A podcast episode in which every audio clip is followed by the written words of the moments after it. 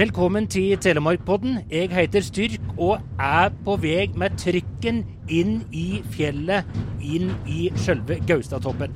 Sammen med deg, Halvor Haukås, daglig leder i Gaustadbanen. Men eh, du gjør jo mer enn å styre denne banen, Halvor? Eh, ja, jeg er så heldig at jeg får lov til å være med og utvikle både destinasjon og de mulighetene som ligger på Gaustatoppen. Og det har du gjort gjennom 30 eh, år. Fortell, hvor er, vi, eh, er vi nå? Nå er vi på vei innover i Gaustatoppen. Vi har satt inn i trikken, som tar 850 meter innover i fjellet. Og da er vi ca. midt inne i Gaustatoppen. Og det er ikke så mange åra folk har kunnet oppleve denne helt unike reisa? Nei, det er et ganske nytt produkt. Eh, vi starta i 2010 og er fortsatt i en veldig sterk utviklingsfase. Og nå er det som å sitte på en liten trikk. Det bråker, og det dogger litt eh, på glasa. Er det fordi vi er varme og det er kaldt ute, eller åssen er dette? Nei, Det er jo den eh, temperaturforskjellen som er når vi har kjørt trikken ut fra utsida og kommer inn i fjellet. Og Samtidig som det er jo litt rått inni her, da. Så eh, det å ta Gaustadbanen, det er litt opplevelser. Både litt eh, lyder, litt risting og eh, det her å og inni i sjølve fjellet. Hva skjer eh, nå, den første biten? Ja, Nå er det da trikken 850 meter inn. Så er det en liten togstasjon. Så skal vi over i sjølve banen, som er på 1050 meter og i 39 graders helning. Eh, og da kommer vi opp på 1800 meter. Eh, og får da med godt vær en fantastisk opplevelse når du kommer ut og får se en sjettedel av Norge. Og det er det beste med jobben som daglig leder i Gaustadbanen? Det er å oppleve alle de fornøyde folka som har prøvd å ta den. Og det er ganske mange per år? Det er ganske mange. I år, eller i 2018, så var det 73 000. Det er mange som går én vei og tar banen andre veien. Så her er det en kombinasjon av. Så eh, på toppen totalt sett så var det 100 000. Hva er ditt beste reisetips, da? Nei, det er å eh, ta eh, gåtur én vei og ta banen andre veien eh, på sommeren. Og så er det på vinteren, da, ikke minst det her å kunne komme på 1883 meter på høyeste punktet og kunne stå på ski ned. Og er du heldig at det er bra snoforhold, så kan du kjøre helt ned til Dale. Og da har du en høydeforskjell på 1600 meter. Du finner ikke maken i Nord-Europa. Det er ikke så mange år siden at eh, kommunen ble eieren av eh, banen og Gaustatoppen. Eh, hvordan skjedde det? Det var jo flere interessenter. Ja, men nå var det slik at når Forsvaret skulle kvitte seg med det, så var, har det offentlige en forkjøpsrett. Og det var den kommunen benytta seg av. 200 000 kroner, det var ikke mange kronene? Nei, det var ikke det. Men du overtar også et ansvar. Det må en ikke glemme.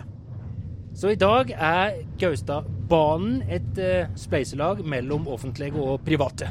Det stemmer. Eh, aksjeselskapet Gaustadbanen er drevet av Tinn kommune og private aktører som jobber med reiseliv i fjellet. Da ble det stille. Og da skal vi snart i høgda. Og der var vi inne i vogna. Da er blå vogn klar. Da kjører vi. Og her står det rett og slett eh, opp og ned, og du trykker på knappen det står på, og så er vi snart i gang. Da er vi i gang. Nå er vi kommet inn i Brekket stasjon. Det er en uh, liten millionsstasjon på vei opp til Gaustatoppen. Og nå har vi starta sjølve Gaustadbanen eh, som tar 1050 eh, meter opp mot toppen. Eh, da kommer vi opp på 1800 meter. Og nå er vi i en vinkel på 39 grader, så det er ganske bratt. Eh, og eh, hvis vi skal sammenligne kan med noen tilsvarende baner, som eh, er Fløibanen, som går utvendig Den her går jo kun inn i fjellet. Så er den 27 eh, grader. Så det er mye brattere her. Det er betydelig mye brattere. Og som du hører, det bråka litt, det rista litt. Det er det som er Gaustadbanen. Det her er historie, og den har vi lyst til å ta vare på og fortelle til veldig mange. Men Halvor, hvordan starta selve historien? Det er jo mange som tror at Gaustadbanen har noe med krigen å gjøre. Det har den ikke. Men det var faktisk slik at under den andre verdenskrig Og Rjukan var jo et eh, område der var mye tyskere. Så etter krigen så fant de ut at det hadde vært virksomhet på Gaustatoppen. Og de hadde lura på hva det var egentlig virksomheten. Eh, noen hadde vurdert om det var rakett- eller eh, bombeutskyting der. Eh, men det der de faktisk hadde vurdert og sett på, det var å bygge kommunikasjonstårn. Men det skjedde jo ikke noe mer eh, enn det den gangen. Men det gjorde jo at tankeprosessen ble satt i gang. Så ideen til selve Gaustadbanen den ble unnfanga over en halvliter øl på Holbergstuen i Bergen. Bare én? Ja, det, det kan hende det var flere. Og da var det eh, høsten de skulle kunne ta i bruk Gaustatoppen som kommunikasjonsplass. Utgangspunktet var at Nato trong å bygge ut en plass i Norge som hadde eh, vid radiokommunikasjon. Eh, og Gaustatoppen da ble veldig aktuell i og med at det er ikke noen fjell som forstyrrer. Her er det eh, vid omkrets. Her kan du jo faktisk se en sjettedel av Norge når du kommer på toppen. Og det er jo spektakulært i seg sjøl, men det er veldig, og var viktig, i forhold da til den kommunikasjonen. De fant ut at de skulle gjøre oss som eh, vannkraft. Det var å kunne bygge en bane inne i fjellet. For de fant fort ut at det å ta seg til Gaustatoppen utvendig ville by på altfor store utfordringer i, eh, værmessig. Så, og det gikk ganske fort. Det heter at ideen eh, ble unnfanga i 52-53, og de starta byggingen i 54. Og sto ferdig her i 58, og ble offisielt åpna i 59. Men da var meninga at dette skulle bli en fantastisk turistattraksjon for folk flest. Slik ble det ikke. Nei, altså, det er jo mange som tror at det her For det var jo Nato, Forsvaret, som bygde det. Og at det her ble bygd kun for Forsvaret. Ja, det var Forsvaret som ville bygge. Fe og ta i bruk toppen. Men tanken var at den skulle frakte turister. Fe og finansiere driften sin. Men under byperioden Nå ser vi forresten, nå møter vi den eh, andre vogna her.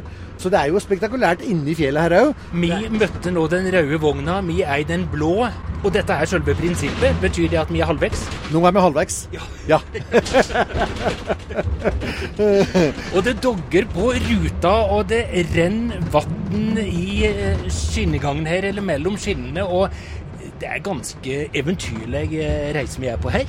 Ja, altså det her eh, Det å komme på toppen og få utsikten er jo bare eh, bonusen. For det er jo ikke noen tvil om at det er en sterk og stor opplevelse bare å ta banen. Altså Det fins ikke tilsvarende anlegg i Nord-Europa. Så her har vi to utganger. Bunn og topp. Ferdig med det. Ferdig med det.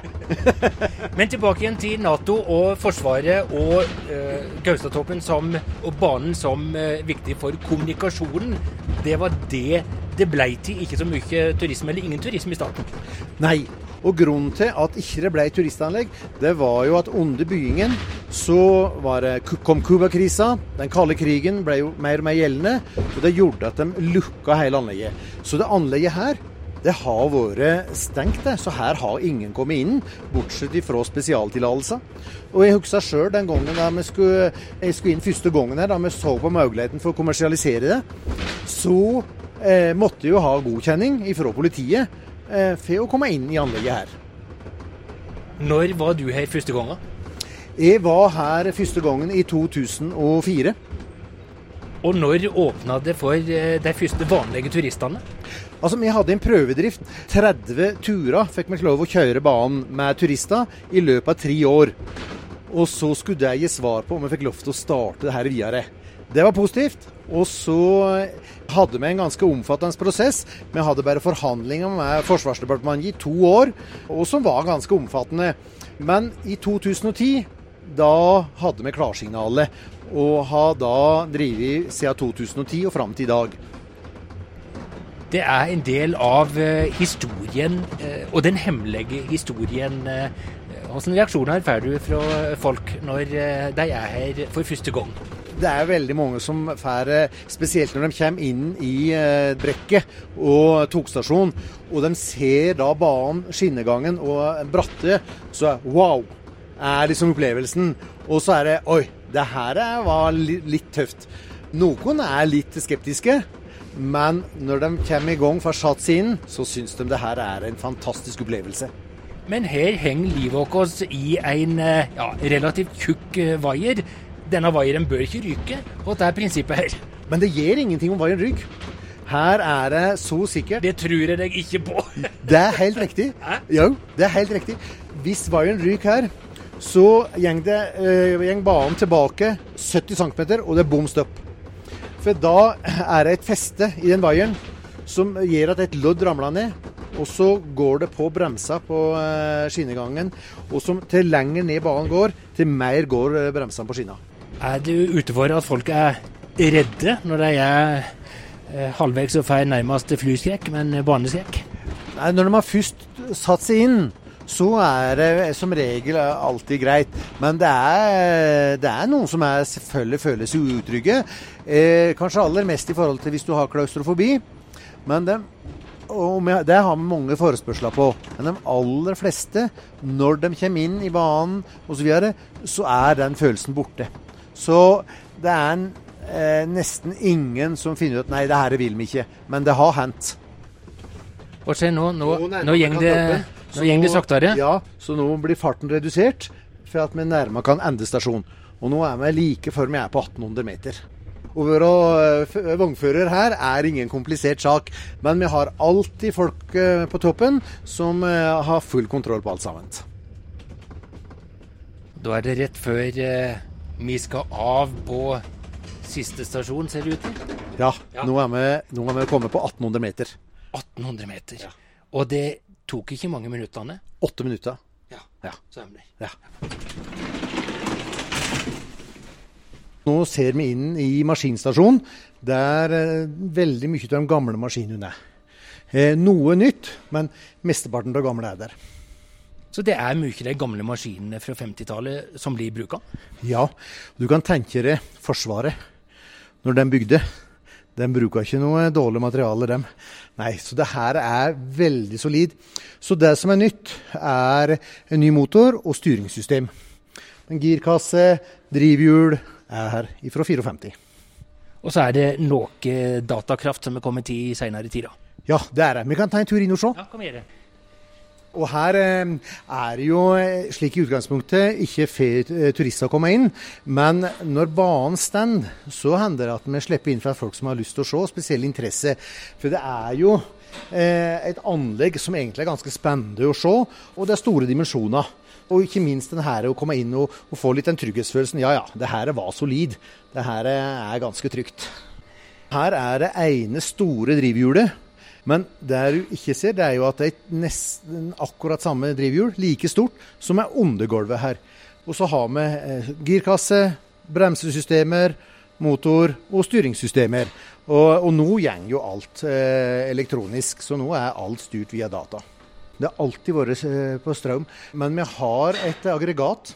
Så hvis som til at ikke strømmen skulle, at den skulle bli borte, så er det et aggregat som slår inn i løpet av tre sekunder. Så her er det safe. Da er vi på toppstasjonen. Hvor går veien nå? Ja, nå går vi ut. Nå har vi da en, egentlig en ganske spennende tunnel, 120 eh, meter lang.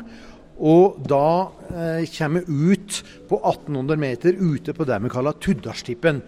Og det er jo der de aller fleste får virkelig wow-følelsen. Eh, og med fint vær da, så får du bare et vanvittig utsyn. Og virkelig føle at nå er du på vei opp til til himmelriket. Men denne siste veien må vi gå. Her er det ikke noe vogn. Her er det ikke noe vogn. Så eh, når du kommer ut her da, og hvis du vil opp på enten eh, turisthytta til Norske Turistforening, så eh, har du ca. 120 meter å gå opp til hytta. Men der går du, spesielt på sommeren, i ei brei, fin steintrapp. Men nå på veten så er det å gå i Snohaugen, men det er hardt, så det er ikke noe problem. Og hvis du vil ytterligere opp, hvis du skal opp på eh, helt ut på toppen, som er på 1883, da har du en ny halvtime å gå. Kan du da gå uten ski, eller eh, blir det problematisk? Nei, eh, på toppen her så er det som regel helt ålreit å gå uten ski, for at det er, det er hardt nesten alltid her. Men, eh, men de fleste som går utover på toppen på Veten, det er jo for å stå på ski. Nemlig. Og da Oi. Og da ser vi Nå er vi i ferd med å gå ut, eh, så da krabber vi kan ut her gjennom dynet. Og det er rett ut på 1800 meter. Eller et at kan stoppe. Oi, oi, oi. Men som jeg ser i dag, så er det ikke den store utsikten, da. Men det som vi eh, kommer til å ha mer og mer fokus på her på toppen i det været som er, og med snor og litt vind, så danner det seg veldig ofte fantastiske snoskulpturer. Og vi ser antydning til det her. Eh, flotte skulpturer. Og, og det her til lenger utover Veten, så blir de bare mer og mer spektakulære. Så der kommer vi faktisk til å, å sykle litt fokus på, for det er å opp og se på de skulpturene som naturen sjøl greier å skape. Og det er jo flott, og vi hører vinden. Vi kan kjenne den kalde naren, for å si det slik. Men dette kan endre seg eh, nesten fra time til time, eller? Ja, det kan endre seg fort her på, eh, på toppen. Det er ikke noen tvil om. Nei. Men, eh, men, vi har jo Altså, vi fyrer jo veldig godt med på meldingene, så vi ser jo og føler litt med etter hvert at OK, nå er det i ferd med å endre seg. Så det er rart med det. Erfaring. Da, som jeg kan gi mer og mer og bedre og bedre informasjon til gjestene etter hvert. Nå er det som om vi står midt i en gedigen eh, tåkedott, men om det hadde vært fri sikt her, hva eh, hadde vi sett? Da hadde vi sett eh, en sjettedel av Norge. Da kan vi se ned mot kysten til Sverige, mot Danmark. Vi kan se til Oslo. Så det er, og ikke minst innover Hardangervidda. Jeg tror ikke vi skal videre til hytta nå. Nei, jeg tror ikke det. Jeg tror vi heller går inn. Er ikke vi godværet vi kan, så har vi allikevel mye å vise inne i fjellet. Og det fine er at uh, dette gir iallfall meg en sjanse til å komme tilbake. Enten ved å ta Gaustadbanen, eller ved å være hakket mer sporty uh, og gå til fots. Eller på ski, da. Oi. Ja, det var friskt, det. Ja. Det er, det er bare inne akkurat i dag. Men, men, men, turen er allikevel ikke forgjeven når du kan få spennende ting inn i fjellet. Og det er jo det som er så ok med Gaustatoppen. Her har vi egentlig opplevelser både utvendig og innvendig.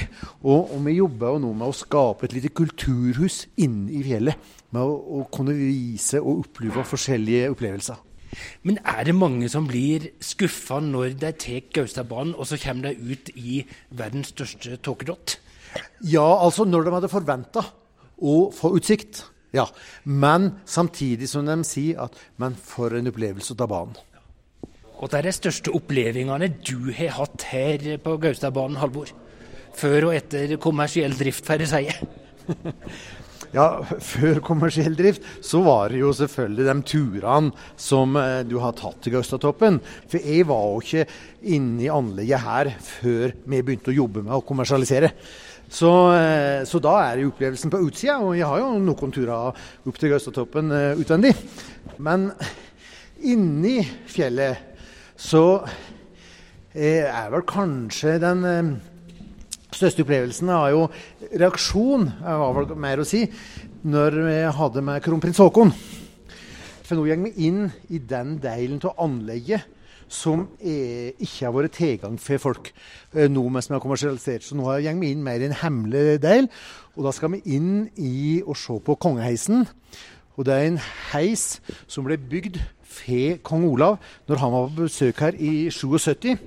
Og da skulle han opp i forsvarsleiligheten og få servert lunsj. Det var ikke så mange alternativ å komme opp.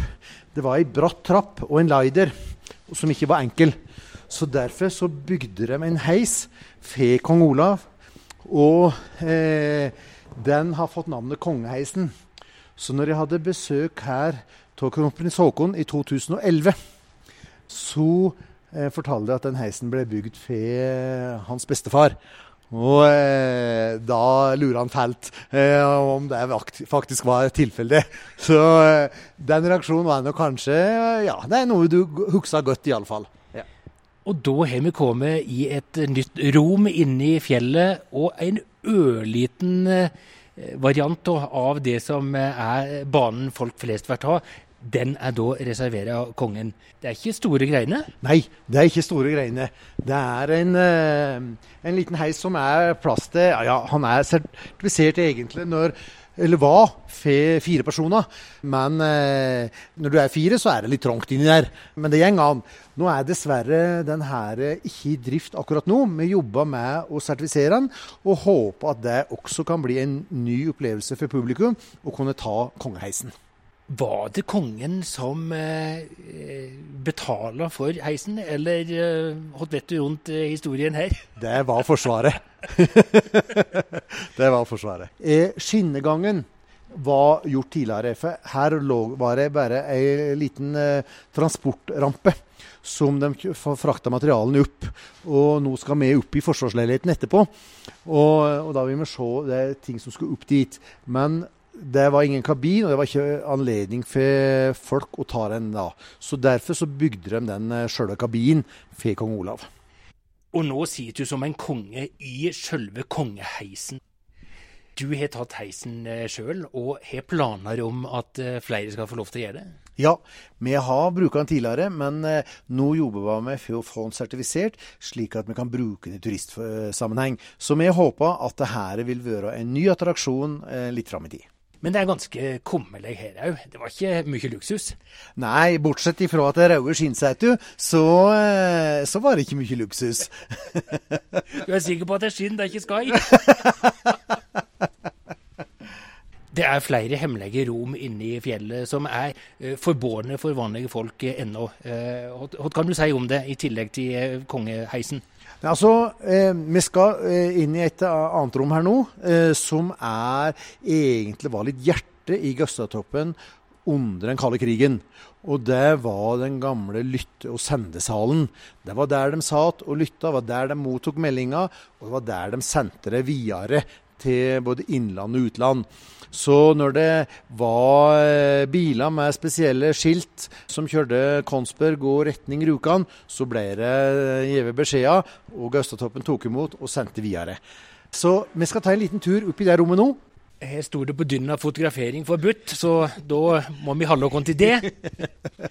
Nå er vi da kommet inn i det som jeg sa, hjertet. Her har vi et bilde som viser hvordan det faktisk så ut inni det rommet den gangen. Og eh, her er det da fylt med teknisk utstyr som gjorde at de hadde god kommunikasjon med innland og utland. Og vi ser også her har det vært mange kjente personer som har vært til toppen og, og sett dette anlegget og vært inn her og var en del av det. Da spesielt innen Forsvaret. Kan du dra fram noen av de eh, mest kjente som har vært her? Vi har jo hatt kong Olav eh, som har vært her. Vi har stats, flere statsministre, forsvarsministre. Vi har jo også Israels statsminister, som var til Rjukan i forbindelse med tungtvannsproduksjon og Hydro. Eh, og det er jo en liten slik historie som eh, er litt spektakulær. Så det har, ja, det har vært en del kjente folk her oppe. Og han òg tok banen? Han òg tok banen. Her er det langbord. Her er det fra tid til annen helt spesiell aktivitet i, i dette rommet. Eh, fortell. Ja, vi, har, vi jobber jo med ulike konsepter. Eh, og et av konseptene som vi nå har satt i gang, er noe som heter Top Secret Dining. Der vi tar folk tilbake til 1960 og dermed da skal oppleve hvordan det var på Gaustatoppen under den kalde krigen. Alle gjestene blir møtt eh, med uniformerte militære. Og vi har omvisning i anlegget, og så er det vi avslutta inni det her rommet her, som da blir servert en treretters middag, og noen av gjestene blir ofte tatt inn i, til avhør, for vi har jo funnet litt ut at de har drevet med tidligere gjennom. Så det her er eh, spesielt retta mot eh, firmaevent, men vi kommer etter hvert også til å kjøre det her for publikum med forhåndsbestillinger. Så det her er eh, en veldig spennende, litt slik her grøsseraktig opplevelse. Spennende Og her er det fremdeles merke etter gamle telefon- og kommunikasjonsledninger og eh, ting fra den farne tider, for å si det sånn. Ja, det er fortsatt igjen en del av det utstyret her. Så, eh, og vi har også tatt vare på en del utstyr som ikke er eh, montert her nå, men som vi skal montere tilbake. Og så er vi i det som bruker å være topp hemmelig og tilhørte Forsvaret. Helt på toppen. Ja, nå er vi kommet inn i det vi kaller forsvarsdelen. Her har vi et eh, rom som eh, de tester utstyr og reparerer utstyr. Eh, det her er teknisk utstyret. Vi har en leilighet med fire sengeplasser, og vi har da Forsvarskontoret. Så han siste som sa til å bruke kontoret, han mente jo at han hadde Norges høyeste stilling. Så i de arealene her nå, så kjører vi noen spesialomvisninger. Så med å eh, ta kontakt med Gaustadbanen, så kan du få en omvisning inn i det her hemmelige forsvarsleiligheten og hele arealene. Men dette er for grupper? Det er først og fremst for grupper, men etter hvert så er, vil vi òg åpne her for publikum. Eh, men per i dag så er det for grupper. Og per i dag så må en gå for å komme opp hit? Ja, da, eh, når du har tatt Gaustadbanen opp, så eh, kommer du ut da på det vi sa Tuddarstippen, som vi var ute og testa litt vær. Eh, hvis du går 150 meter opp ifra Tuddarstippen og forbi turisthytta, så kommer du inn i den delen som vi kaller forsvarsdelen. Og det er ei fin steintrapp å gå opp, som er bygd av Sherpa, så det er ingen problemer. Ingenting hemmelig lenger her nå, eller?